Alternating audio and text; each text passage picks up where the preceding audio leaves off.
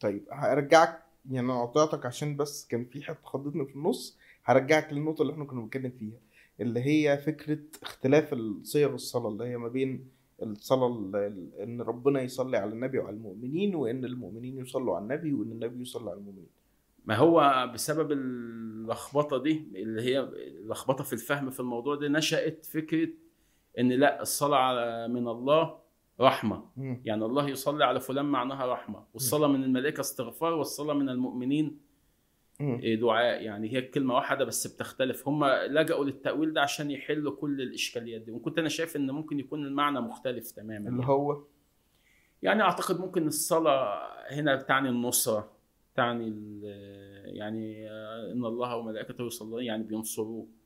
وكلمة مثلا صلي عليهم يعني ادعمهم أو انصرهم أيدهم. أعتقد ده ده أقرب لغويا من من الصيغة الطقسية اللي معلش. بنيت يعني عشان النقطة دي أنا أعتقد إن هي هيبقى فيها كلام كتير. آه طبعا. بنيت التصور ده على أساس إيه؟ يعني بحاول أشوف معنى جامع آه، في القرآن يعني. بحاول أشوف معنى جامع يعني بدل ما أقول إن معناها هنا كذا ومعناها هنا كذا ومعناها كذا حاولت أشوف معنى يقدر يحل الثلاث معاني دي. فلقيت إن فكرة النصرة أو الدعم آه، شايف إن هي المعنى الأليق. يعني هي هي اللي تحل لك الإشكالات. لما يقول لك الله وملائكته بي- بيصلوا على النبي يعني بيدعموه أو بيأيدوه. بيؤمر المؤمنين إن هم يصلوا عليه يبقى يدعموه أو يؤيدوه.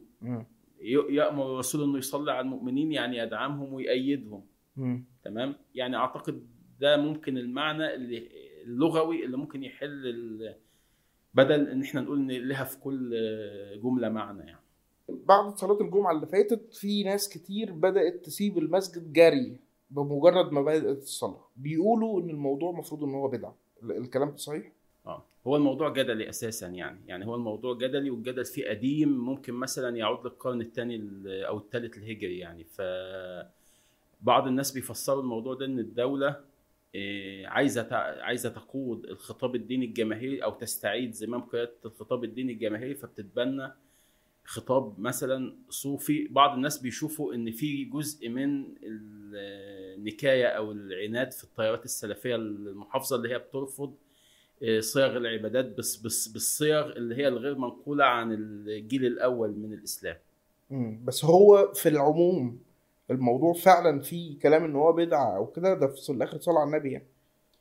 ما هو آه، اللي بي- اللي بيعتبرها بدعة هو دايما بيتقيد بالصيغة أو الشكل أو الصورة اللي وردت بها العباد لأن هم بيعتبروا إن هذا فعل تعبدي. هم بيعتبروا إن الفعل التعبدي لازم تلتزم بيه بالصورة المنقولة عن الجيل الأول. مم. التانيين لهم تأويلات فقهية بيقول لك ما هو أصلا في الأساس إن الصلاة على النبي واردة في القرآن وكده إحنا بنعملها بس التاني بيقول لك ما وردتش بالصورة دي.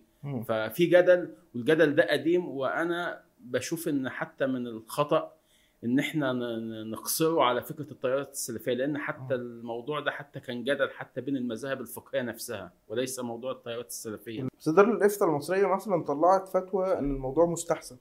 هما بيتبنوا الرأي اللي هو بي- بيجيز الموضوع بالشكل ده إنما مم. التانيين برضو أدلتهم وجيهة وفاهمة. الجدل على الجهرية ولا على ال- على ال-؟ الإتيان بعبادة بكيفية ما كانتش موجودة في الجيل الأول مم. اللي وكل طرف له وجهة يعني له أدلة أو وجهة نظر ممكن فيها شيء من الوجاهة يعني الثاني بيقول لك ان إن أنا لو فتحت موضوع ال- إن أنا أكتر في صور العبادات أو صور الطقوس بصور جديدة الموضوع مالوش ضابط أو رابط وبيجي مع الوقت إنه بيختلط مع أجيال لاحقة إن ده شيء من أصل الدين مم. فعشان كده ال- الموضوع فيه نوع من الدورة كده بتبدأ تنتشر تنتشر تنتشر الموضوع يتوسع تقوم تظهر ردة أو حركة سلفية مقاومة مم.